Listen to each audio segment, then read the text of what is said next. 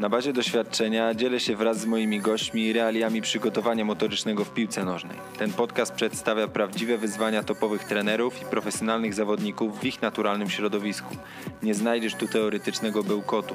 To samo praktyczne creme de la creme z zakresu motoryki. Nazywam się Michał Kwietniewski i zapraszam do wysłuchania podcastu Motoryka w piłce nożnej z zakulis. Dzisiejszy odcinek zaczynamy inaczej niż zwykle. Dzięki uprzejmości Piotrka zaczynamy od konkursu. Pozornie łatwego, ale mam nadzieję, że, że większości z Was sprawi to troszeczkę trudu. E, nagroda jest zacna, bo można wygrać potęgę podświadomości.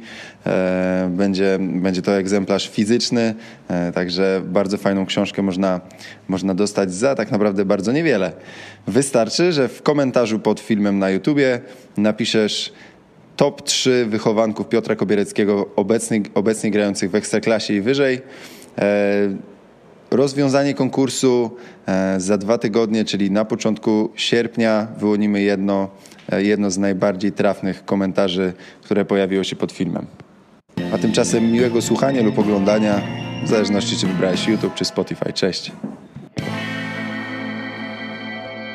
Witam serdecznie w kolejnym odcinku podcastu Motoryka w piłce nożnej z zakulic. Dzisiejszym moim gościem jest e, trener Piotr Kobierecki, chyba jeden z nielicznych trenerów w Polsce tak utytułowanych e, w pracy z młodzieżą, ale nie będę Piotrkowi zabierał pola do popisu. E, Piotr, przedstaw się sam. Dzień dobry, witam wszystkich. Miło mi Piotr Kobierecki. Piotr, krótko, zwięźle i na temat. E, słuchaj, Piotrek, e, Wiele osób kojarzy Cię e, właśnie z pracą w Legii Warszawa, z którą rozstałeś się przed chwilą w sumie. E, po ilu latach? Powiedz wszystkim. 10 lat. 10 lat. No to jest... Dekada. Kawał czasu. Jaki był Twój pierwszy rocznik? Pierwszy rocznik to był 2000 i to była ówczesna kategoria wiekowa U12. Okej, okay, ale to y, mówimy o pierwszym samodzielnym prowadzeniu. Tak, tylko że zaczynając pracę w Legii od razu byłem trenerem prowadzącym. Przez wszystkie te lata byłem trenerem prowadzącym dany rocznik i to szło harmonijnie. Po pierwszym roku kontynuowałem pracę z rocznikiem 2000, tylko wszedłem już na etat, że byłem cały dzień w klubie. Następnie byłem koordynatorem grup gimnazjalnych, po czym trafiłem do y, CLJ, kategoria U19. Tam spędziłem dość długi okres swojej przygody trenerskiej i kontynuowałem ją dalej w drugiej drużynie Legii Warszawa. Tam zresztą się poznaliśmy też. Tak. W 19 właśnie zresztą z rocznikiem 2-1, 2-0 głównie, nie? Tak, oczywiście. Tam trochę chłopaków z 9-9, e, a, a docelowo 9-8, jeżeli chodzi o Młodzieżową Ligę Mistrzów, nie? Tak, tak to było. Tak, zgadza się. Nieliczni jeszcze pozostali w klubie. Tak jest. E, Piotrek, pamiętam kiedyś w naszej rozmowie e, zawsze jakby miło, miło wspominałeś rocznik 9-7, chyba że E, źle pamiętam. Jakbyś mógł z perspektywy czasu ocenić najbardziej zdolny rocznik, jeżeli w ogóle można tak ocenić, z tych, z którymi miałeś okazję pracować? Znaczy tak, dużym sentymentem podchodzę do roczników, z którymi udało się coś osiągnąć. Takich było, było sporo, ale tutaj jako taką ciekawostkę przedstawię, że dla mnie takim rocznikiem koronnym w pewnym, e, w pewnym etapie mojej pracy był rocznik 98, a w ówczesnym e, takim rocznikiem, który wydawał się może poniekąd stracony, wydawał się rocznik 99, a historia troszkę to zweryfikowała, bo z tego rocznika 99 wyszedł y, Ratek Majecki 7 milionów euro i Sebastian Szymański 5,5 miliona euro. A zawodnicy z rocznika 98 grają w ekstraklasie jak Miłosz Szczepański, Mateusz Hołownia czy y, Kamil Wojtkowski, który w dość wczesnym wieku opuścił szeregi Legii, jednakże takiej furory nie zrobił, jak to y, było wcześniej zapowiadane. Okej, okay, czyli E, zdobyłeś Mistrzostwo Polski trzy razy i ostatnie mistrzostwo wymsknęło się w ostatniej chwili, bo w finale, w finale przegraliście z Lechem. Tak, były takie okoliczności, że po pierwszym wygranym meczu w Poznaniu później musieliśmy ratować drugą drużynę w trzeciej lidze i większość zawodników grała wtedy u trenera Dębka w trzeciej lidze. My graliśmy, można powiedzieć, drugim, drugim garniturem i przegraliśmy mecz rewanżowy z Lechem Poznań. A myślisz, że gdyby, no powiedzmy, moglibyśmy cofnąć czas i miałbyś do dyspozycji pełną pakietę, to zrobiłbyś czwarte mistrzostwo? Być może byśmy zrobili jako klub, aczkolwiek y, nie lubię tak y, gdybać. Spotkaliśmy się z bardzo mocną drużyną Lecha Poznań. Wydaje mi się, że najmocniejszą z tych czterech lat, bo co roku mieliśmy możliwość mierzyć się z tym zespołem. I naprawdę przeciwnik był godny, godny szacunku, bo też pamiętam pierwszy mecz w Poznaniu, bardzo wyrównany, wygrany przez nas 2 do 1 i potem teoretycznie handicap własnego boiska, tylko że w młodzieżowej piłce nożnej z tym własnym boiskiem, z handicapem to różnie bywa. Dla mnie zawsze dużym atutem było nie to, czy gramy u siebie, czy na wyjeździe, tylko jakość boiska, na którym występowaliśmy, a to w ząbkach, jak również we Wronkach były bardzo dobrze przygotowane, więc gratuluję y, Lechowi Poznań tego mistrzostwa. za czwarty razem byliśmy w półfinale, też to jest dobry, y, dobry rezultat, ale nie lubię, nie lubię grywać, ale na pewno szanse byłyby dużo większe. Jasna sprawa. A powiedz mi, y, raz, raz na pewno z Lechem, dwa razy z Lechem w finale, Raz z Pogonią, tak? Dobrze pamiętam? Dwa razy z Pogonią, raz z Lechem. A, w ten sposób. No i, i, licząc, i licząc ten ostatni, yy, licząc ten ostatni, to dwa razy i dwa razy, tak? Czy nie? Tak, dwa razy i dwa razy. Tylko, że w tym ostatnim etapie, to był na etapie półfinału, było spotkanie z Lechem Poznań. Okej. Okay. Okay. Piotrek, wspomniałeś, że y, pracowałeś w Legii przez 10 lat. Wiadomo, że Legia to jest, y, są ogromne struktury, bardzo duży, największy klub w Polsce. E, chciałem Cię zapytać, z iloma trenerami przygotowania motorycznego pracowałeś? Nas słuchają e, w dużej mierze właśnie trenerzy przygotowania motorycznego. Z iloma miałeś okazję pracować od samego początku w liczbach, nie?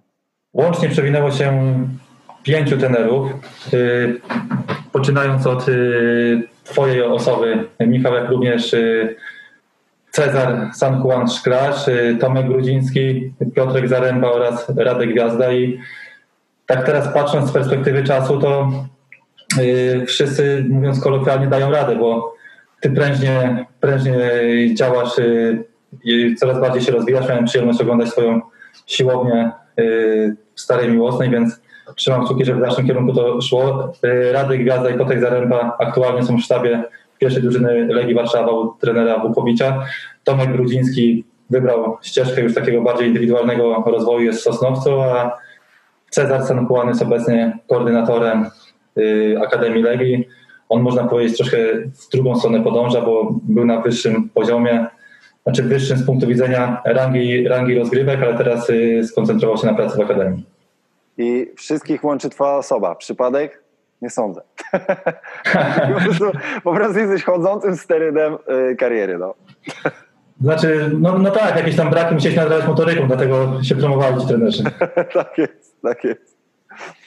Powiedz Piotrek, y, ja wiem, ale wiele osób nie wie, y, jak dużą ty uwagę z perspek- twojej perspektywy pierwszego trenera przykuwasz do przygotowania fizycznego zespołu bo wiesz, oczywiście to bywa różnie, nie? Każdy trener ma swoją wizję, jeden bardziej kładzie nacisk na y, taką starą szkołę przygotowania fizycznego, inny ma jeszcze inne spojrzenie. A jakie jest twoje spojrzenie na przygotowanie motoryczne i jak bardzo jest dla ciebie to istotne? O mnie można powiedzieć, że jestem wychowankiem trenerskim y, Legii Warszawa, Akademii Legii Warszawa. To nie był mój pierwszy klub, w którym pracowałem, ale dużą lwią część swojej, swojego życia trenerskiego tam spędziłem i jestem wychowany w nurcie, jeżeli chodzi o przygotowanie motoryczne Legii Warszawa, więc trenerzy, y, trenerzy się zmieniali, ale oczywiście każdy dodawał swoją jakąś integralną, integralną część, bo to nie było odzwierciedlanie konspektu, ale sam model pracy jest bardzo, bardzo zbliżony, jeżeli chodzi o strukturę, plan mikrocyklu czy mezocyklu, więc dla mnie to jest takie głównie y, taki można powiedzieć cały czas praca w, przy, w okresie startowym można powiedzieć, więc wszystko się, wszystko się opierało o pracę, o pracę z piłką, aczkolwiek y, to można powiedzieć, że z jednej strony była y, praca z piłką, aczkolwiek te akcenty były bardzo dobrze, bardzo wyraźnie wyszczególnione. I tutaj jeszcze wrócę, bo można powiedzieć, że jeszcze był y, szósty ten przygotowania motorycznego. On nie był stricte przy drużynie, tylko był takim, można powiedzieć, taką eminencją, która podróżowała pomiędzy rocznikami, to był Sebastian Krzepota. Obecnie w reprezentacji Polski tenera Jacka Magiery, więc też był w pierwszej drużynie, więc kolejny wypromowany. Możesz założyć agencję, człowieku. To jest normalne. czyli, yy, czyli ty głównie jesteś zwolennikiem jakby takiego podejścia powiedzmy zrównoważonego, jeżeli tak można to nazwać. Na wszystko jest, jest odpowiednia pora. Tak, ja bym nie uciekał, nie uciekał w skrajności, bo też teraz pojawił się y, taki bardzo popularny nurt wśród młodych trenerów, żeby wszystko robić z piłką. Ja jestem zwolennikiem, żeby robić jak najwięcej z piłką, ale żeby były optymalne, optymalne wyniki w niektórych aspektach, nie da się wszystkiego robić z piłką. Jest tyle, ile to jest możliwe. Jestem zwolennikiem robienia tego y, z piłką. Też y, nie jestem zwolennikiem typowego ładowania akumulatorów, jak to się kolokwialnie Mówię tylko zwiększania, tudzież y, progresji, tudzież regresji, jeżeli chodzi o obciążenia w zależności od danego etapu, na którym jesteśmy. No dokładnie, to fajnie, fajnie, że o tym wspomniałeś, bo rzeczywiście jest to e, taki trend, który ja zauważyłem też od jakiegoś czasu. On zyskuje coraz większą grupę zwolenników, czyli wszystko robimy z piłką. I, i teraz oczywiście dużo rzeczy możemy zrobić z piłką, ale też część rzeczy jest no, nie do realizacji w ogóle w formach e, gier na przykład, czyli nie wiem, bodziec siłowy, jakikolwiek, nie? I idziemy tak, oczywiście.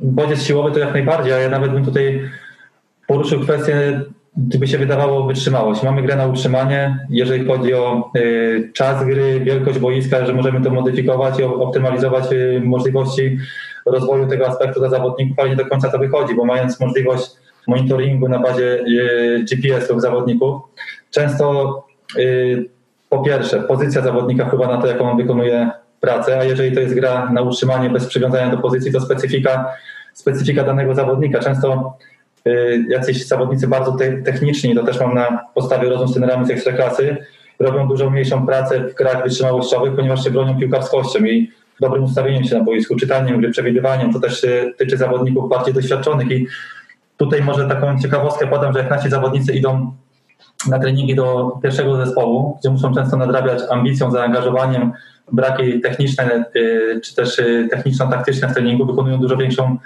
pracę niż zawodnicy starsi y, w pierwszym zespole, więc to nie zawsze taka sama objętość, jeżeli chodzi o grę i takie same założenia dają się tak samo zinterpretować u każdego zawodnika i to nie chodzi tylko o zaangażowanie, ale też sposób, sposób gry, jak również specyfikę danego zawodnika. To też jest y, ważne to, o czym powiedziałeś, że jeżeli młody idzie wyżej, przechodzi kolejne szczeble, no to on jeszcze musi się zmierzyć z jakąś tam presją na przykład. Nie wiem, mając lat 14 czy 15, ogląda jakiegoś zawodnika w pierwszym zespole, nagle dwa lata później, tak, on ma wystrzał formy, idzie na treningi do pierwszego zespołu. I on może prezentować bardzo wysoki poziom na treningach, czy w meczach w swojej kategorii, czy wyższej kategorii. Ale idąc, wiesz, do pierwszego zespołu, rywalizuje czy, czy współpracuje z osobą, którą do tej pory, nie wiem, jakoś tam stawiał za, za wzór i nagle te jego możliwości spadają, bo on jest, wiesz, wielce zestresowany, nie?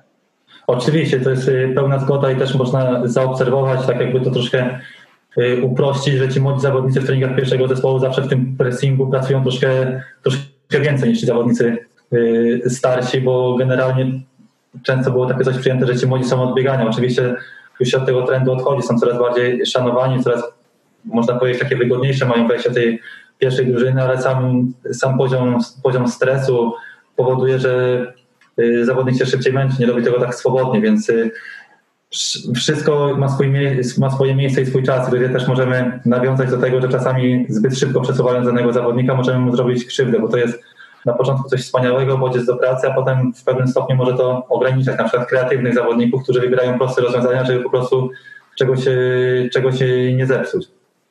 A ty uważasz, że czyja to powinna być decyzja, że zawodnik jest przesuwany wyżej?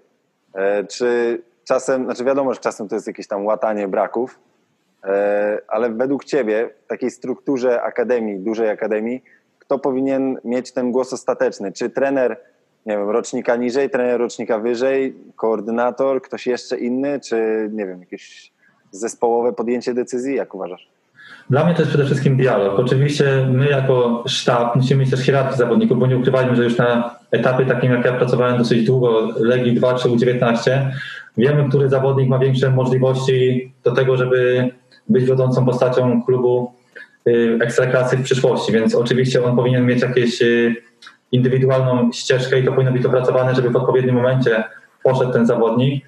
Yy, to też yy, musi się wiązać z tym, że nie tak, że ktoś z pierwszej drużyny pokazuje palcem ze, ze tego zawodnika już, tylko dany, yy, dany etap, dany, dany moment. Więc czy to jest koordynator, czy to jest dyrektor akademii, jesteśmy w klubie wszyscy na etacie, mamy sporo, mamy tą możliwość. Tak przynajmniej jest w Legii Warszawa. Mamy tą możliwość częstych spotkań, częstych rozmów, więc to musi być taka po prostu konstruktywna, wspólna, wspólna decyzja, bo nie sztuką jest wziąć na danego zawodnika po świetnym jednym czy drugim meczu, ale w perspektywie czasu możemy mu zrobić krzywdę, więc to są, muszą być bardzo przemyślane ruchy, bo jak tak obserwuję, bo już sporo tych chłopaków gra na poziomie ekstraklasy pierwszej ligi, niektórzy nawet za granicą, to bardzo często o tym, czy ktoś jest wysoko, czy ktoś już nie gra w piłkę, decyduje nie sam talent, nie sama praca, ale decyzje, jakie podejmuje. A to jest młody chłopak, ambitny, więc bardzo ważne jest, jak ludzie w oku pomagają mu te decyzje podejmować, czy iść na wypożyczenie w danym momencie, czy jeszcze poczekać y, na etapie Legii 2, bo też y, na pewno Michał pamiętasz, jak pracowałeś y, w Legii, że ci zawodnicy bardzo sami sobie wytwarzają dużą presję, do tego dochodzi środowisko. W pewnym etapie właśnie tym U19 Legii 2 zaczyna się największy błąd zawodników, zaczynają oceniać. Patrzą, że ktoś był dwa lata temu niżej hierarchii od nich, a teraz jest w pierwszym zespole i tak patrzę, że ocenianie to jest początek końca tych chłopaków. Dokładnie. Tam niepotrzebny oczywiście on w pewnym momencie, w pewnym e, wydaniu jakby motywuje tych chłopaków, taki powiedzmy wyścig szczurów, ale rzeczywiście w większości przypadków jest on niemalże zgubny, takim strzałem w kolano. Ja jestem tu, a mogłem być tam. To jest na takiej zasadzie, nie? Co bym zrobił, gdyby? Tak, no, oczywiście. Zakasać rękawy i do roboty, nie?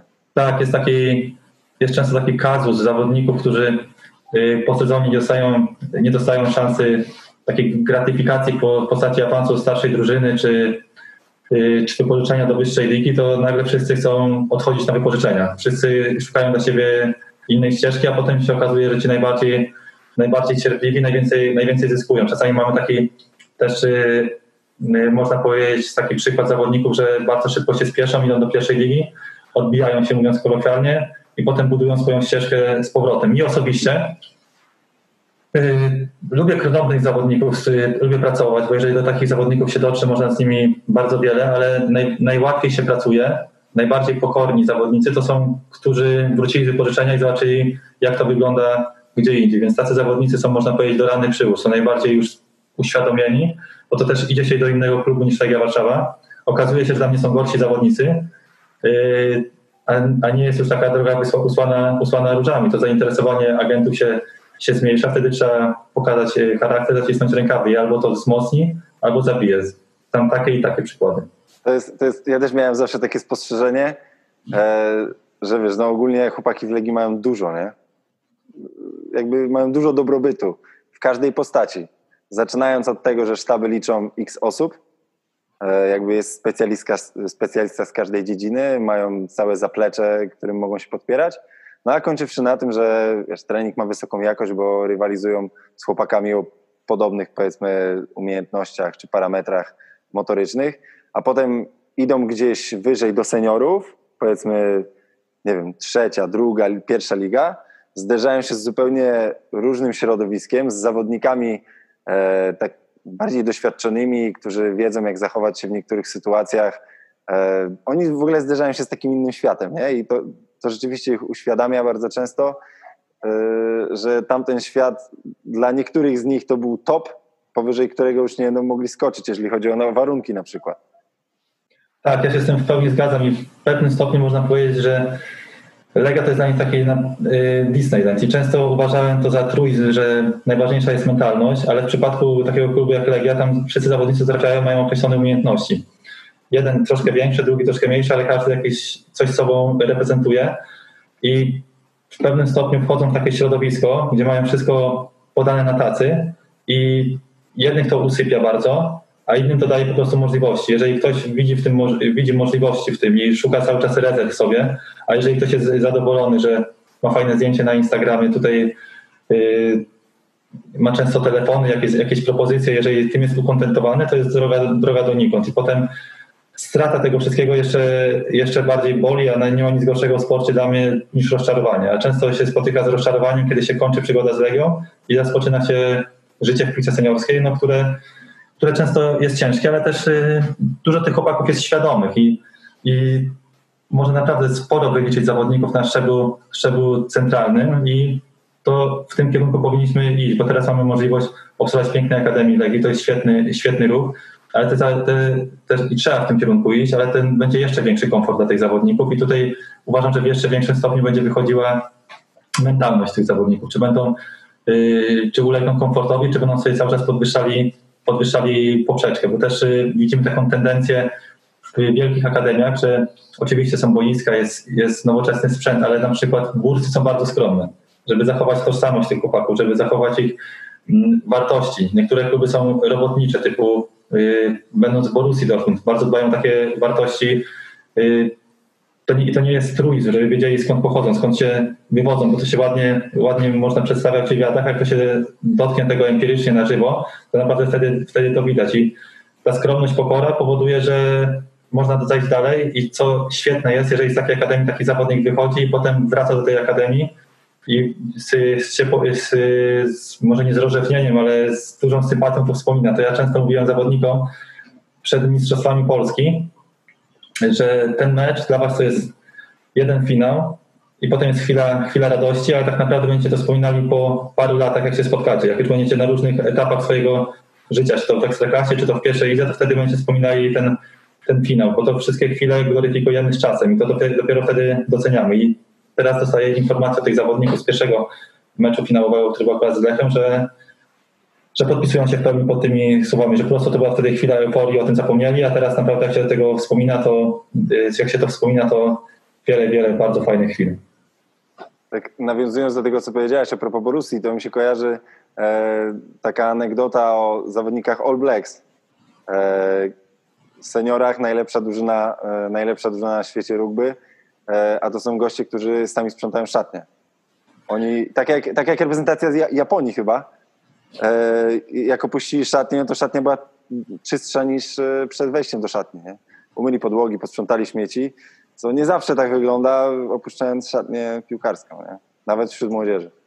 No tak, pamiętam jak w Legii 2 był e, Nishi Tsubasa, zawodnik z Japonii swego czasu, no to on był takim, z takim pietyzmem podchodził do sprzętu i do wszystkiego w szatni, że niektórzy na niego patrzyli jak, jak na kosmitę. A wracając do tego, może taka trochę hiperbola i pamiętam, że kiedyś zawodnicy z Bundesligi się wypowiadali, że młodsi piłkarze Akademii czyścili im buty. W sensie dosłownym. Może to jest, to jest przesada i w obecnych czasach nie, nie do zrobienia, ale to też y, coś, coś y, y, ukazuje. Ale mi się wydaje, że w niektórych klubach w Anglii cały czas tak jest, że młodzi przychodząc, powiedzmy, ten czas, który spędzają w, w ośrodku, mają przeznaczony na wyczyszczenie obuwia pierwszej drużyny. Być może. Wiem, że w Bundesliga to funkcjonowało, bo słyszałem od kilku, od kilku zawodników. Nie wiem, jak jest, nie wiem, jak jest teraz. Rzeczywiście może być to kontrowersyjne. Ja nie uważam tego za jakąś, nie wiem, jakiś policzek dla tych chłopców. E, jest to jakiś, jakaś też metoda nauki pokory, nie? Oczywiście i też niektórzy to na pewno traktują jako wyróżnienie, jeżeli danego zawodnika mają obuwie w danym momencie. No jasne, że tak no nie wiem, przypomnij sobie, wiesz, lata młodości, jakbyś dostał spoconą koszulkę od wymarzonego, powiedzmy od Ibry, jesteś fanem Ibry, dostajesz od niego koszulkę po meczu spoconą, to przecież mi obchodzi, że jest spocona. Tylko wiesz, mam no, trofeum, to jest trofeum. No, z tego co wiem, to takie koszule się nawet nie bierze już potem. no właśnie. Także na, trochę na takiej zasadzie, no, oczywiście nie zabierają tych butów do domu, nie? Ale, e, ale rzeczywiście można, można to potraktować jako, jako trofeum. E, Piotrek, mówiliśmy troszkę o, e, o Twoim e, spojrzeniu na przygotowanie fizyczne. Ja się chciałem Ciebie zapytać, czy Ty byłbyś w stanie wyróżnić jedną zdolność motoryczną, której jesteś największym zwolennikiem? Wiadomo, że są, ja bym mógł tak to podzielić, zwolennicy siły i wytrzymałości, czyli tacy, którzy się gdzieś tam mocno interesują fizjologią i bardzo mocno wchodzą, nie wiem, w pracę z użyciem tętna, etc., etc., czyli ta, ta jedna strona i ta druga strona y, trenerów, y, którzy, którzy są miłośnikami treningu siły, którzy jakby kładą e, na piedestał właśnie zdolności siłowe. A jak jest w Twoim przypadku? Znaczy generalnie teraz docelowo szuka się zawodników, którzy mogą grać na wysokiej intensywności.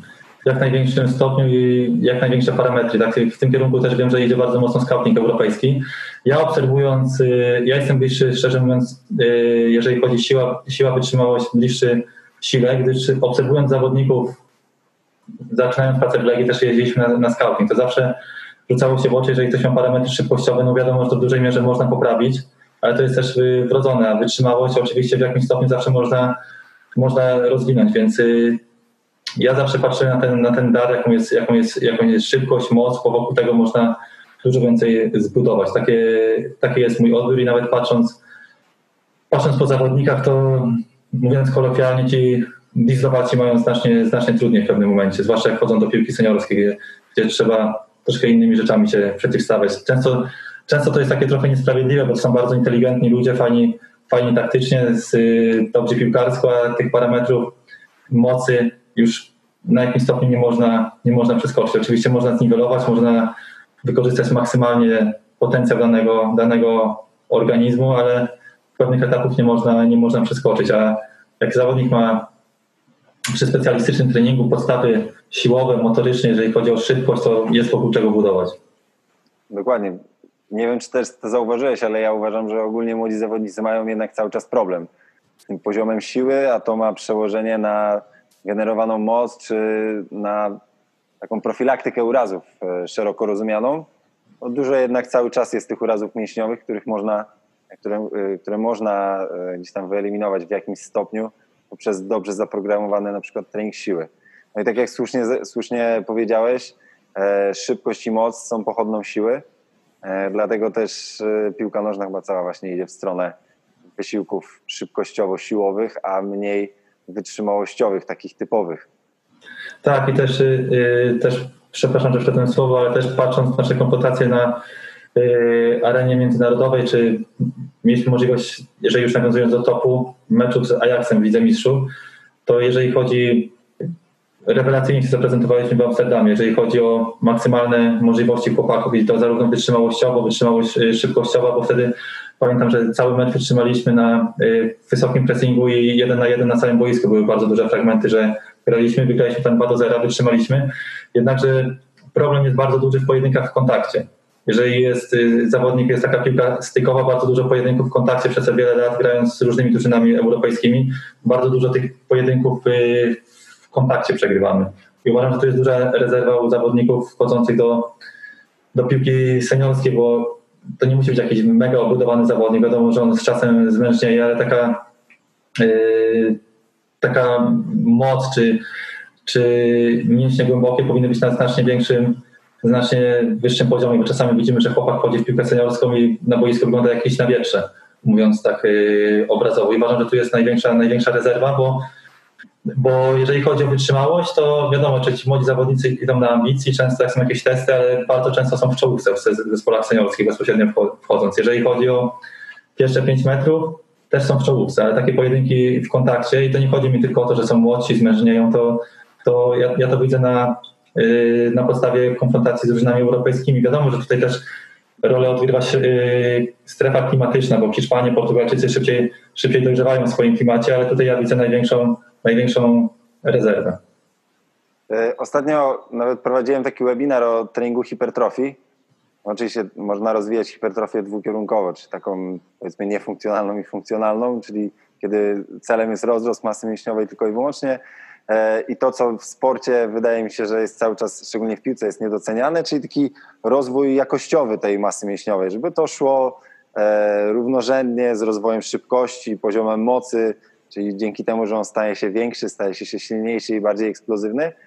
I też e, nie wiem, czy się ze mną zgodzisz, ale właśnie mi cały czas doskwiera, że ci chłopcy wchodzący w, w etap seniorski nie dojeżdżają pod względem takim właśnie pracy w kontakcie.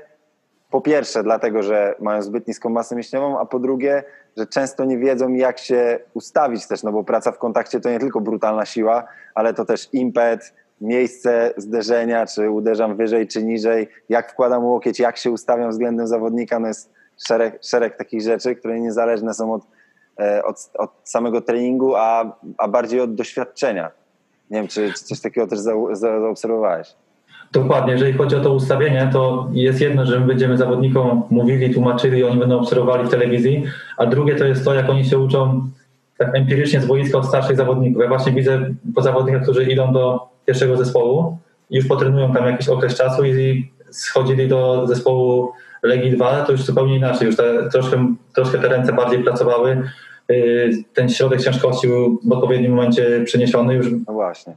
Takie jakieś ciosy, mówiąc kolokwialnie, z podniczka.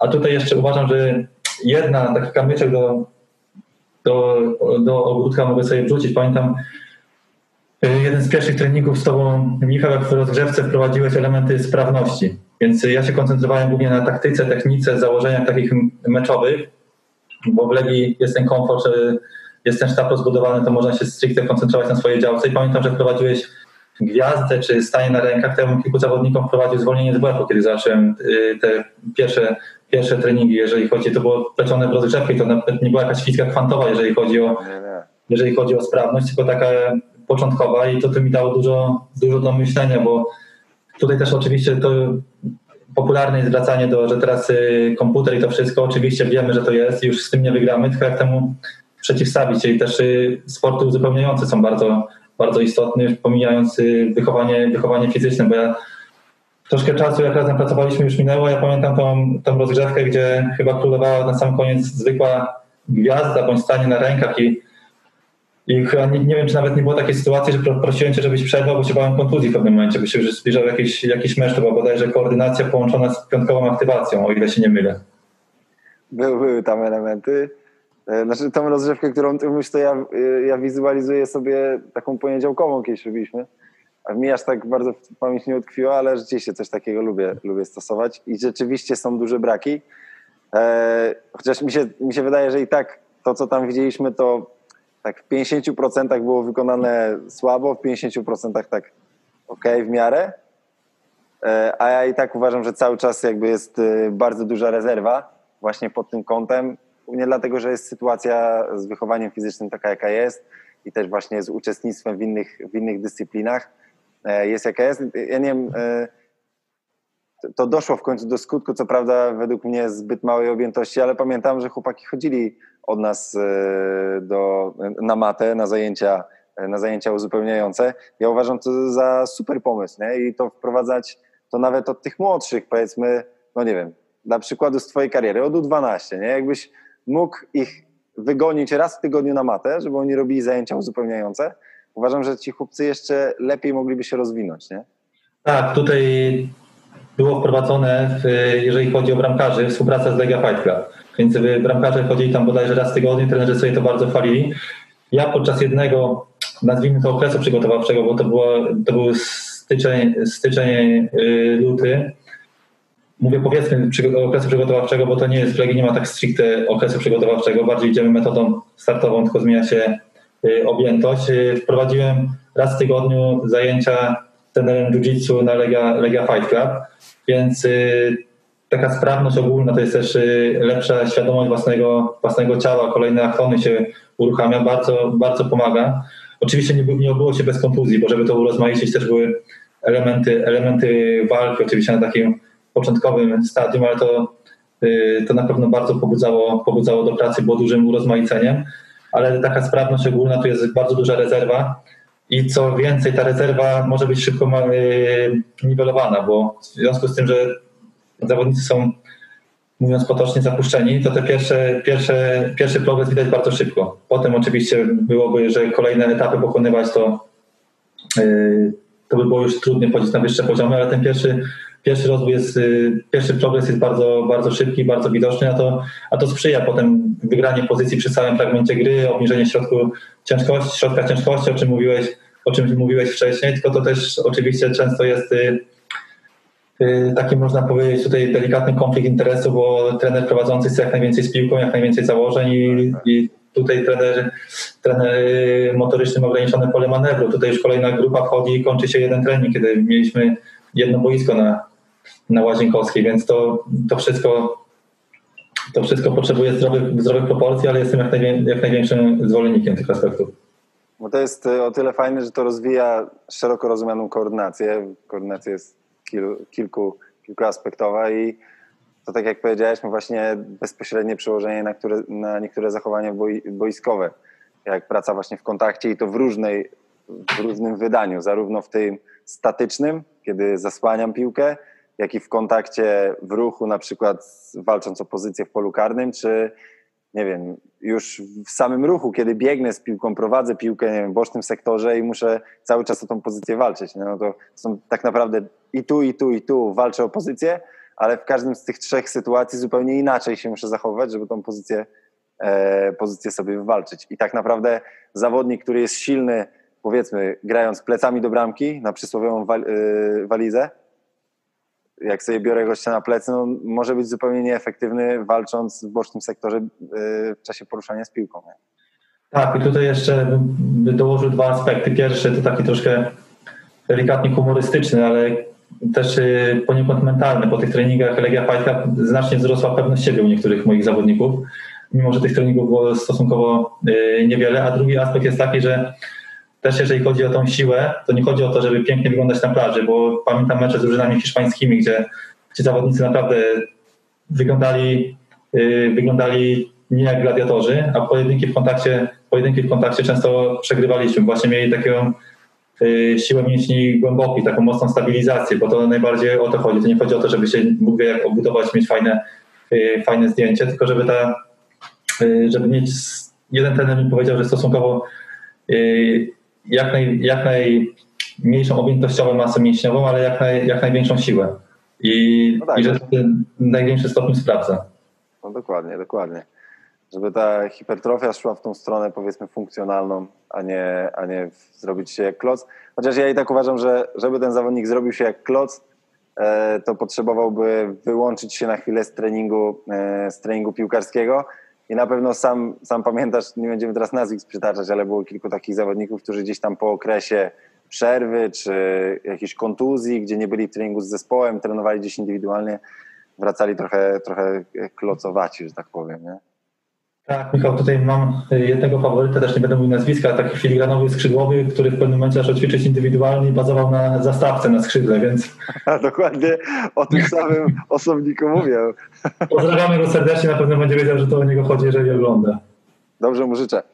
E, ale rzeczywiście była taka sytuacja e, i taka sytuacja się powtarza, nie? No bo to jest jeden z wielu przykładów, ale takich sytuacji jest, e, jest masa. Dlatego ja zawsze uważam, że jeżeli taki zawodnik idzie do trenera indywidualnego, to dobrze, żeby ten trener indywidualny, no nie wiem, patrząc z mojej perspektywy, też pracuję indywidualnie z, z ludźmi, żeby jakkolwiek miał obraz tego, co się dzieje w zespole, żeby może skonsultował to przygotowanie z trenerem prowadzącym, czy z trenerem przygotowania fizycznego, no żeby to miało ręce i nogi, nie? a nie, że ja, nie wiem, dubluję to, co się dzieje na, yy, na jednostce piłkarskiej, czy na treningu danego dnia. No, to jest tak trochę bez sensu. Dokładnie, dokładnie. E, Piotrek, troszeczkę wspomnieliśmy o, o treningu wytrzymałości, ale dla mnie to jest, e, e, to jest bardzo interesujące. Powiedziałeś, że według Ciebie troszeczkę trzeba dopalać biegami izolowanymi, tak? Tak, w zależności od okresu. Oczywiście, kiedy to jest okres ligowy, wolę robić wszystko z piłką i chciałbym, aczkolwiek nie da się tak optymalnie przeprowadzić jednostki bazując tylko na ćwiczeniach typowo piłkarskich, gdy sprawdzamy GPS-y zawodników po treningu, bo mamy taką mieliśmy taką możliwość w, y, w Legii Warszawa, to naprawdę w tych samych grach zgoła odmienne były, y, były parametry i nie zawsze to wynikało z zaangażowania, tylko tak jak już wcześniej wspomniałem, ze sposobu gry danego piłkarza. E, a myślisz, że nie dałoby się stworzyć takiego systemu e, trenowania czy modelu, modelu treningu, który by zniwelował te różnice właśnie, które powstają? Bo powiedzmy, możemy wymusić pewne zachowania e, w ćwiczeniach ćwiczeniach e, w, da, na, w obrębie danej pozycji, powiedzmy, nie wiem, boczny sektor czy środkowy trójkąt i tak dalej, która będzie ich zmuszała do jakiejś tam pracy, schematycznym chociażby poruszaniu i to niejako będzie nabijało te parametry wytrzymałościowe. E, czy według Ciebie cały czas jednak trzeba, e, czy może nie trzeba, a dobrze byłoby uzupełnić to środkami izolowanymi? Znaczy tak, oczywiście to jest optymalna wersja, to co powiedziałeś Michał. W, w trakcie ligi jestem tego jak, najba, jak największym zwolennikiem tego, co powiedziałeś, chociaż też y, tożsamość zawodników wojskowa jest niekiedy taka, że mają taki sposób gry, że byliby nienaturalni, gdybyśmy sztucznie nabijali, nabijali kilometry. Oczywiście... Ale wiesz co, przepraszam, że ci wejdę w słowo, no to jest dobry moment na to. Mi chodzi też y, o takie ćwiczenia izolowane, nie? kiedy on na przykład no nie wiem, przyczepia się do tego środkowego trójkąta, kiedy muszą się rotować. Są siłą rzeczy będzie się poruszał, nie? Wiesz o co chodzi? Tak. Na przykład tak skonstruować e, treningi, że będzie to wymuszało. Czemu, czemu w ogóle do tego się tak przyczepiłem? Bo pamiętam, e, jak zaczął Kamo e, jakby mocniej oddziaływać na nasze treningi i pamiętam, że treningi szybkości były bardzo efektywne w wykonaniu takim indywidualnym, kiedy był ten podział, pamiętam, że każdy z Was miał swoją grupę, e, swoje pozycje i ten trening szybkości był naprawdę efektywny i na pewno dla chłopaków przyjemniejszy niż e, jakieś izolowane formy. Tak, jeżeli chodzi o trening szybkości, to jak najbardziej. Ja teraz rozwijałem myśl odnośnie treningu wytrzymałości. Jeżeli chodzi o szybkość, to oczywiście też, też jestem zwolennikiem tego, żeby wiadomo, że jeżeli jest pojedynek jeden na jeden, to trudniej to rozwinąć, ale żeby też zawodnicy mieli zbliżone parametry do pokonywanych w trakcie meczu. Inne, inne odległości w sprincie maksymalnym pokonuje skrzydłowy, inne pokonuje środkowy, środkowy pomocnik. I to również można yy, zoptymalizować, żeby jak najbardziej trening oddawał mecz. To jeżeli chodzi o trening szybkości, to, to jak najbardziej. Specyfika działań na pozycji, tym bardziej, że robiliśmy sporo tych ćwiczeń profilowych, o, mieliśmy szerokie spektrum, jeżeli chodzi o, yy, o działania na danych, na danych pozycjach i wokół tego się obracaliśmy, to, to jak, jak najbardziej. Aczkolwiek mi chodzi taki bardziej trening wytrzymałości, mówię w takim, jeżeli chodzi o grę, już w takim dłuższym odstępie, dłuższym odstępie czasu, wtedy te y, parametry troszkę się różniły w świecie idealnym jestem za tym, żeby wszystko było robione z piłką. Jeżeli chodzi o przygotowanie do sezonu, nie zawsze uważam, że ten jest w pełni optymalnym wariantem. Znaczy, żeby była jasność, ja też, ja też jestem zwolennikiem tego, że trzeba swoje dobiegać i to też między innymi wynika z tego, że miałem możliwość e, e, kilkukrotnie pracować z użyciem GPS-ów e, i zresztą wiele badań wskazuje na to, że wykorzystując biegi potrzebujemy tylko 50% objętości treningowej, żeby zrealizować taki sam efekt, efekt fizjologiczny. Więc powiedzmy 9 minut biegu to 18 minut gry o wysokiej intensywności. Nie? Także to też jest automatycznie oszczędność jakaś czasu. Więc jeżeli mamy na przykład 5 minut na koniec interwałów, no to ja uważam, że to jest sporo. Na 5 minut możemy zrobić bardzo porządny interwał, dzięki któremu nabijemy, nie wiem, biegi z wysoką intensywnością, i tak dalej, jakieś tam inne parametry, które chcemy. Jasne, ja się z tym y, zgadzam. Jako ciekawostkę powiem, że znajomy był na stażu przy pierwszej drużynie Juventusu i tam y, kilometry odległości pokonywane przez zawodników były mierzone w trakcie, w trakcie treningu. I to też jest taka poniekąd była presja na zawodnikach, jeżeli chodzi o, o to, jak się angażowali w grze, bo ci, którzy nie pokonali od, danych odległości w, na, konkretnej, na konkretnej intensywności, zostawali po treningu i to wyrównywali, więc nie było czegoś takiego, że ktoś się podczas y, treningu, treningu uchował, ale też działało to w drugą stronę, że jeżeli zawodnik wracał po kontuzji, już ta intensywność dla niego była zbyt duża, swoim zaangażowaniem podczas gry przekraczał to, ile założyli, że dzisiaj może pokonać na danej intensywności y, kilometrów, y, tudzież, tudzież metrów, to był zajmowany w trakcie z treningu, więc to już była taka troszkę wyższa szkoła, wyższa szkoła jazdy. A czy Y, nie uważasz, że w tym mitycznym budowaniu wytrzymałości bardzo ważny jest też taki właśnie profil psychologiczny tego zawodnika? Chodzi mi głównie o te cechy wolicjonalne i zaangażowanie w grę, bo e, wspomniałeś o zawodnikach prezentujących wyższe umiejętności techniczne, czy e, lepsze odnajdywanie się w, danej w danej taktyce, ale czy nie jest trochę tak, że zawodnicy, którzy się bardziej angażują w grę, są tacy, wiesz, zacięci. E, jednak z nimi można więcej przepracować w grach, a tych, którzy się tam dobrze, dobrze e, kamuflują, trzeba trochę podpalić interwałkami. E, ja się w pełni, w pełni z tym zgadzam i to ja mówiąc o tym, że nie zawsze zawodnik techniczny wykona taką samą pracę, nie chodziło mi o to, że on się migał tej pracy bądź, bądź jest leserem, chodziło mi o to, że on z większą swobodą wykonuje te, te wszystkie czynności, które ma, które ma z piłką. Łatwiej szuka, łatwiej ma zmysł szukania wolnych przestrzeni na boisku i ustawieniem nadrabia bieganie, że łapie przestrzenie pomiędzy formacjami, przyjmie tak piłkę, że nie musi jej poprawiać, nie musi zaraz y, bardzo męczą reakcję po stracie, więc jeżeli tej, tej straty tej straty nie ma, to też nie ma reakcji. Siłą, siłą rzeczy akcja, akcja, reakcja. Znamy to, znamy to z fizyki, więc tego, tego też nie ma. Chodzi mi o takie troszkę Y, rzeczy sprowadzając do umiejętności, bo oczywiście, jeżeli chodzi, i tutaj jest dobra metoda, tak jak było w Juventusie, że zawodnicy mieli bezpośrednio po treningu wyrównywane y, aspekty pracy, pracy ale to, to bez jeżeli sprowadzamy do mentalności, no to oczywiście to chodzi o zaangażowanie zawodników, wykonają, wykonają bardzo zbliżoną, y, zbliżoną pracę, po prostu mi chodziło o takie aspekty, jakie zawodnik bardzo dobry piłkarski. Teraz miałem Toniego Segurę, wychowanka Realu Madryt, który gry, gry na utrzymanie często był niezmęczony, bo nie miał strat. On, on dał linię podania, Wiadomo, że może to nie jest typ y, biegający od przeciwnika do przeciwnika y, w obronie, ale nawet kiedy on był zmobilizowany bardzo mocno, to te parametry pokonane bez piłki były mniejsze u zawodnika, który nadrabia ambicją braki, braki techniczne. Tutaj też są, też, są, też są różnice. Oczywiście zaangażowanie to jest jedno, ale czasami też rozumienie gry, poruszanie się to jest, to jest inna kwestia. Jasne. Tylko też, żeby była jasność, to my mówimy o warunkach treningowych. Nie? W treningu przygotowujemy się do najgorszego scenariusza, jaki może się wydarzyć w meczu, bo nie powiedziane jest, że drużyna, która biega więcej, będzie wygrywała mecze, co świetnie pokazuje obraz, nie wiem, Atletico Madryt. Oni wcale nie biegają dużo ani szybko, tylko oni są doskonale zorganizowani. Eee, dlatego tak jest, tak silne, jest tak silne połączenie pomiędzy E, motoryką, a, a właśnie przygotowaniem techniczno-taktycznym e, zespołu. I teraz e, pytanie, pytanie moje do ciebie. Czy ty wolałbyś, gdybyś miał wybrać, wiem, że ciężko tak powiedzieć, bo to jest takie od czapy może, ale gdybyś miał wybrać pomiędzy super przygotowanym zespołem, ale średnio zorganizowanym taktycznie, a bardzo dobrze zorganizowanym taktycznie, ale średnio przygotowanym fizycznie, to który byś wolał wybrać? Zdecydowanie świetnie przygotowany fizycznie, słabo taktycznie, bo uważam, że braki taktyczne dużo łatwiej jest nadrobić niż braki, y, niż braki motoryczne.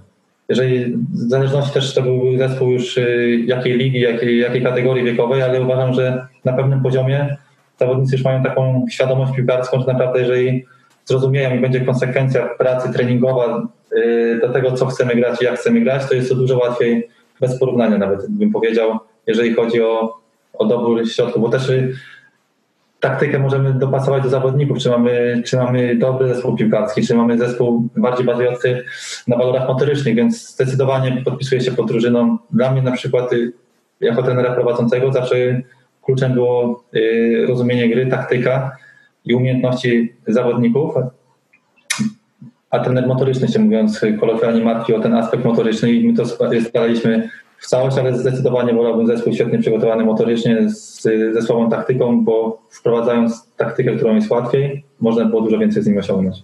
Tak, tu, tu wspomniałeś o, o, bardzo ważnej rzeczy, jakim jest dostosowanie czasem, znaczy nie czasem, ale w większości przypadków taktyki do tego, jaki mamy zespół.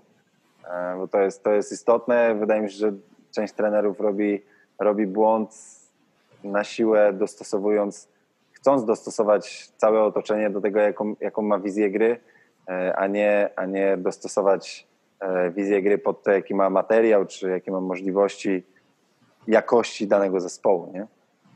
Tak, no, jestem stosunkowo młodym trenerem, więc nie chcę oceniać starszych kolegów y, po fachu, ale takie na najwyższym poziomie możemy często to zaobserwować i trener też mówi o tożsamości, o swoim, o swoim DNA piłki nożnej ja powiem szczerze, że może to zabrzmi kontrowersyjnie, ale ja czegoś takiego nie mam. Inaczej bym pracował w Barcelonie, inaczej bym pracował w Bayernie Monachium. Mimo, że to są zupełnie, y, zupełnie nie grozi mi praca w tych klubach, to po pierwsze, ale y, zupełnie, zupełnie inne walory zawodników, mimo że to jest najwyższy poziom zarówno w, tu, zarówno w jednej, jak i w drugiej drużynie. I nie ma, nie ma takiej, można powiedzieć, jednej obranej ścieżki, że zespół wygrywa. Wygrywają Ligę Mistrzów drużyny, które się utrzymują bardzo długo przy piłce, wygrywają drużyny, które bazują na y, atak szybkim, więc to jest y, dotarcie do zawodników, wybranie optymalnego sposobu, sposobu gry i tak samo nie, zawodnika bez parametrów motorycznych nie, nie ustawimy na skrzydle na kontratach na przykład, no bo to by się mijało z celem. To, I to samo można tak spłaszczając oczywiście przełożyć na całą drużynę. Dokładnie, to tak naprawdę do każdej pozycji można, można właśnie się odnieść, odnieść w taki sposób. E, Piotrek, powiedz mi, a czy według Ciebie, e, bo tak wspominasz, nawiązujesz do, e, do zachodnich rywali, wzorujesz się też na, na zachodnich zespołach. Powiedz mi, czy według Ciebie, na, na bazie Twojej obserwacji, są cały czas jakieś aspekty przygotowania fizycznego, czy może taktycznego z Twojego punktu widzenia bardziej, które u nas w kraju są niewykorzystywane, czy, e, czy wykorzystane w zbyt małym stopniu, a które mogłyby przyczynić się do podniesienia poziomu e, kształcenia młodych zawodników? Jeżeli chodzi o aspekty fizyczne, to tutaj uważam, że za małą uwagę poświęcamy na szeroko rozumianej sile, o czym wcześniej wspomnieliśmy, i sprawności.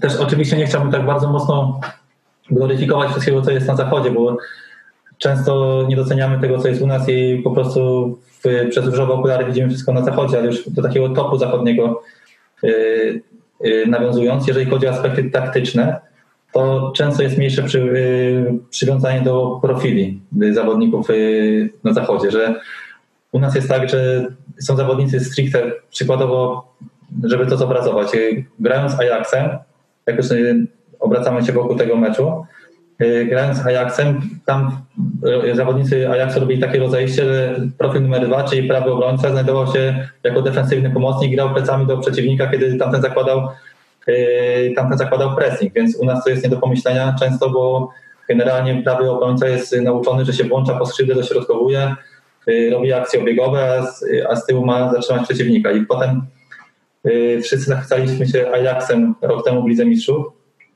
i w Polsce na szereg różnych, y, szereg różnych y, sposobów była analizowana ich gra w ofensywie, po czym można potem przeczytać wywiady czy z Delichtem, czy, czy z Celerem, oni mieli bardzo dużą dowolność w ofensywie, po prostu byli bardzo uniwersalni i zawodnicy sami się powiadali, że grali na różnych pozycjach. U nas coraz szybciej jest pozycjonowanie zawodników, to się wiąże z tym, że chcemy bardzo mocno wygrywać i zabijanie tej kreatywności, radości i czasami robimy z piłki fizykę kwantową, że chcemy wszystko y, wytłumaczyć zawodnikom, jak mają grać, a zabieramy im dowolność. I szanuję pracę na każdym etapie, ale czasami trener, dajmy na to U10, chce być takim małym guardiolą i tak. rzuca bardzo silny ryzyk tych zawodników i zabijając w nich pasję, zabijając w nich kreatywność. Oczywiście ja sam byłem zwolennikiem wielkiej ilości założeń, chociaż pracowałem z większymi, starszymi kategoriami wiekowymi, tylko że ja uważam, że tam jest dużo większe, dużo szersze spektrum i dużo większy inwentarz y, umiejętności mają zawodnicy, są bardziej uniwersalni. No tak, ta kreatywność rzeczywiście według mnie też jest czymś, co, co jeszcze jakoś poniekąd troszkę zabijamy tą wczesną specjalizacją, nie? że ty wspomniałeś o pozycji, ale to też można, nie wiem, w aspekcie przygotowania fizycznego wspomnieć o tej koordynacji, o której mówiliśmy, nie? bo to też, też się łączy właśnie z, też się łączy po, potem z tą kreatywnością. A to się przekłada na to, jak on funkcjonuje w zespole. E, pamiętam co do kreatywności, taka anegdota, e, jakiś trener ZUP opowiadał, jak był w Chinach i a propos właśnie tego wczesnego ukierunkowania Chińczyków na jakieś zadanie, jednozadaniowość taką. Ich poziom kreatywności w graniu jest na poziomie minimalnym i tam wystarczy jeden czy dwóch gości, jakkolwiek kreatywnych, którzy potrafią którzy są zostawieni z danym zadaniem, potrafią z niego wybrnąć, to już robią ogromną różnicę. I gdy on w grze proponował im jakieś rozwiązanie, to było wszystko dobrze, ale kiedy dał im dowolność, to nagle tam był chaos. Jeden mhm. wielki chaos, nie? I to rzeczywiście e, może być przyczyn, przy, przyczyną tego, że Chiny cały czas jednak są tam, gdzie, nie, gdzie, gdzie chciałyby nie być, a poprzez te nakłady finansowe oczywiście chcieli być dużo, dużo wyżej. Nie? Jasne, ja to widziałem podobny, z, grałem z drużyną z Japonii, z Gamba Osaka, to więc było bardzo podobnie, więc powtarzalność była straszna. Też czasami się zastanawiałem, grając tą, y, z drużynami z Japonii, gdzie zawodnicy prezentowali się y, bardzo dobrze, naprawdę bardzo dobrze na tle reprezentantów Polski, więc y, którzy teraz też są znanymi zawodnikami, nie będę wymieniał z nazwiska. Zastanawiałem się, czemu tych Japończyków nie ma w Europie w odpowiedniej, w odpowiedniej ilości. Oczywiście Liga Japońska jest dosyć mocna jak na warunki azjatyckie i też zastanawiałem się, czy to nie jest zbytnia pokora i brak takiej kreatywności, tylko taka typowa zadaniowość. Bo często mówimy, że pokora cię daleko zaprowadzi. Oczywiście, tylko dla mnie kluczem jest wyważenie proporcji pomiędzy pokorą a pewnością siebie. Tak. Bo nie można być pokornym i cały czas nadstawiać drugi policzek albo być tylko odtwórczym w działaniu, tylko to jest właśnie wszystko powinno być wypośrodkowane, więc tak jak ja to analizowałem, bo te mecze z drużynami z Japonii dały mi dużo do myślenia, gdyż y, naprawdę świetni, świetni zawodnicy, a brakuje, brakuje ich na wysokim poziomie. Koordynacja super, szybkość, wytrzymałość, aspekty motoryczne na naprawdę wysokim poziomie, swoboda operowania piłką bardzo duża. Jak złapią y, grę na utrzymanie na rozdziałce, to naprawdę wygląda tak, jakby przyjechał top hiszpański. A potem tych zawodników, tych zawodników brakuje i tutaj ja bym to sprowadzał do bardzo dużej zadaniowości, właśnie zabijania kreatywności i do takiego, do pracy do pracy typowo twórczej. Okej. Okay. E, Piotrek, powiedz mi, E, zawsze zadaję to pytanie e, na koniec. Ja uważam się za praktyka, ciebie też uważam głównie za praktyka, ale z uwagi na to, że i ty cały czas się uczysz i ja się cały czas uczę, no to chłoniemy wiedzę skądś tam, nie? z tego źródła, z tego źródła, z tego źródła. No i każde źródło jakkolwiek nawiązuje do, do teorii. Nie? Chciałem cię zapytać, czy ty kojarzysz jakąś sytuację, mógłbyś przytoczyć jakąś anegdotę, której musiałeś dość brutalnie zderzyć e, nabytą teorię z, zre, zrealizowaną praktyką, nie wiem, na treningu, w meczu i tak dalej, w warunkach boiskowych już stricte. Podpisuję się po tym, że jestem praktykiem, to, to zdecydowanie. Właśnie nie ma takiej stricte sytuacji, która była taka bardzo obrazotwórcza i żebym ją przy, przytoczyć. Oczywiście czytając różne periodyki piłkarskie, to można, yy, to można wszystko gloryfikować, potem następuje zderzenie z brutalną rzeczywistością, chociażby jeżeli chodzi o, yy, o infrastrukturę, z którą mamy, z którą mamy yy, do czynienia, więc to jest, znaczy generalnie dla mnie taką praktyką jest to, że polski trener musi być bardzo kreatywny i operatywny w danej, w danej sytuacji. Zdarzało mi się na przykład, że miałem zaplanowany y, trening na Legii, jeżeli już szukamy jakiejś anegdoty, miałem trening na Legii i chciałem robić y, założenia zmiany ciężaru gry, piłkę przekątną i wszystko sobie pięknie rozpisałem, ale jednak to było troszkę ograniczone, bo nagle na boisku pojawili się również rugbyści. Więc y, tutaj teoria zderzyła się z praktyką, takie, takie może troszkę na siłę, aczkolwiek wszystko można ładnie przekazać w teorii. Wszystko można ładnie przekazać w teorii, a praktyka, a praktyka troszkę, troszkę to wszystko weryfikuje. To jest, to jest bardzo, bardzo trafne, bo wydaje mi się, że dużo osób myśląc Legia, wiesz, widzi jakieś niewyobrażalne w ogóle warunki trenowania, a do tej pory przed zbudowaniem ośrodków w Książenicach, no to te warunki były różne, nie? Czasem jedno boisko na trzy zespoły, i tak dalej. No wiadomo, tam, nie wiem, u 19 pamiętam, że mogliśmy jeździć na, e, na Strażacką i od jakichś tam kilku lat Legia korzysta ze Strażackiej, czy wcześniej z Ząbek i tak dalej. Natomiast no, było trochę takich ograniczeń, które likwidują niektóre zapędy, jak chociażby twoje z tymi założeniami taktycznymi. No, to jest czysta, czysta, czysta praktyka. Tak, oczywiście. Pamiętam, że drugie mistrzostwo z trenerem Kamudą zdobywaliśmy przez cały sezon trenując na połówce boiska. I, i, też, I też można. Znaczy, wiadomo, no to boisko bardzo ograniczało. Potem mieliśmy możliwość korzystania ze strażackiej. Teraz y, warunki w Legii są wyśmienite, ale też y, bym bardzo dużym hipokrytą, gdybym narzekał na warunki, jakie, jakie były, były w Legii. Mimo, że było jedno boisko, to mieliśmy naprawdę bardzo dobre warunki, jeżeli chodzi o zaplecze, czy to y, fizjo, fizjoterapeutów, czy to siłownie, czy to Y, salę konferencyjną, gdzie mogliśmy robić multimedialne od, od, od, odprawy, aczkolwiek no, z, z boiskiem było ciężko, teraz Lega zrobiła milowy krok do przodu i oby z tego dobrze korzystała. A nie uważasz, że właśnie trochę to y, ograniczało Legię w, w perspektywie ostatnich kilku lat? Chodzi mi o, Akademię głównie. E, no bo wiesz, wy, wybudował się duży ośrodek e, w Lubinie, Lech ma Bronki, no, teraz, teraz równorzędnie jakby buduje się ośrodek E, pogoni, pogoni, pogoni Szczecin. Czy uważasz, że to właśnie może być przyczynek do tego, że e, jeszcze nie jesteśmy na tak wysokim poziomie jak, e, jak Akademie Zachodnie, że tam jednak ta infrastruktura od zawsze, znaczy nie od zawsze, ale od, od kilku co najmniej lat wstecz była na wyższym i na lepszym poziomie niż, niż to, co prezentowaliśmy tutaj. Chodzi mi głównie właśnie o te takie, zdawały się prozaiczne rzeczy, czyli boisko, dostęp do placu, możliwość zaplanowania sobie czegoś, a nie nagle, yy, że musisz gdzieś boisko no, z rugbystami, jak wspomniałeś.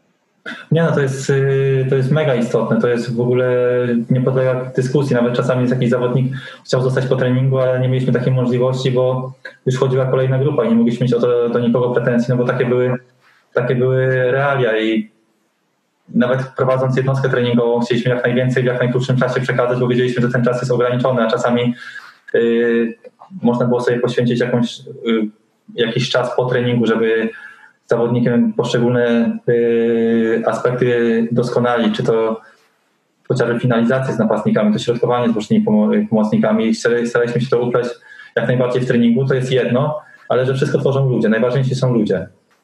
Sama akademia to jest y, połowa sukcesu, która jest piękna, jeżeli chodzi o Legię i też są dobrzy, też są dobrzy trenerzy i uważam, że będzie to szło w bardzo dobrym, bardzo dobrym kierunku, ale najważniejsi są, y, są ludzie, bo jeżeli ludzie i nie tylko jeżeli ci, co prowadzą trening, mówię tutaj o, o trenerach, o całych sztabach, ale też y, bardzo ważny jest scouting, bo umówmy się, też nie ma co się czarować. Gdybym miał zawodnika X i miałbym 8 boisk w pięknej akademii, a ktoś by miał karbownika na jednym boisku, to uważam, że z tym zawodnikiem X y, poziomu karbownika by nie osiągnął, mimo że karbownik trenował na jednym boisku, aczkolwiek ten sam karbownik, trenując na nowej akademii, byłby jeszcze lepszym karbownikiem. Dokładnie. To tak jak y, pamiętam y, tą opowieść o Dynamie, że oni sprowadzają, tych, tych zawodników, którzy sprzedają, w większości sprowadzają, jak oni są już prawie że ukształtowani, nie? czyli mają 18, 17, 19 lat, pobędą tam, nie wiem, rok i transfer. Rok, transfer. No i samo to, że wychodzi się z Dynama, to już ta cena rośnie. Inaczej tak, na, tak. zapracowali na swoją markę i inaczej nasi zawodnicy wykosztowali, gdyby końcówkę nazwiska mieli na idź i byliby z Dynama, z Dynama Zagrzeb. No, ale na razie kopiemy studnię, żeby pić z niej wodę. Dokładnie. Okej, okay, Piotrek, powiedz y, na koniec y, zawsze jest taki stały, stały punkt, czyli literatura. E, powiedz mi, co ostatnio czytałeś i czy mógłbyś polecić jakieś pozycje do przeczytania dla zawodnika i dla trenera? Ostatnio przeczytałem to dwa razy.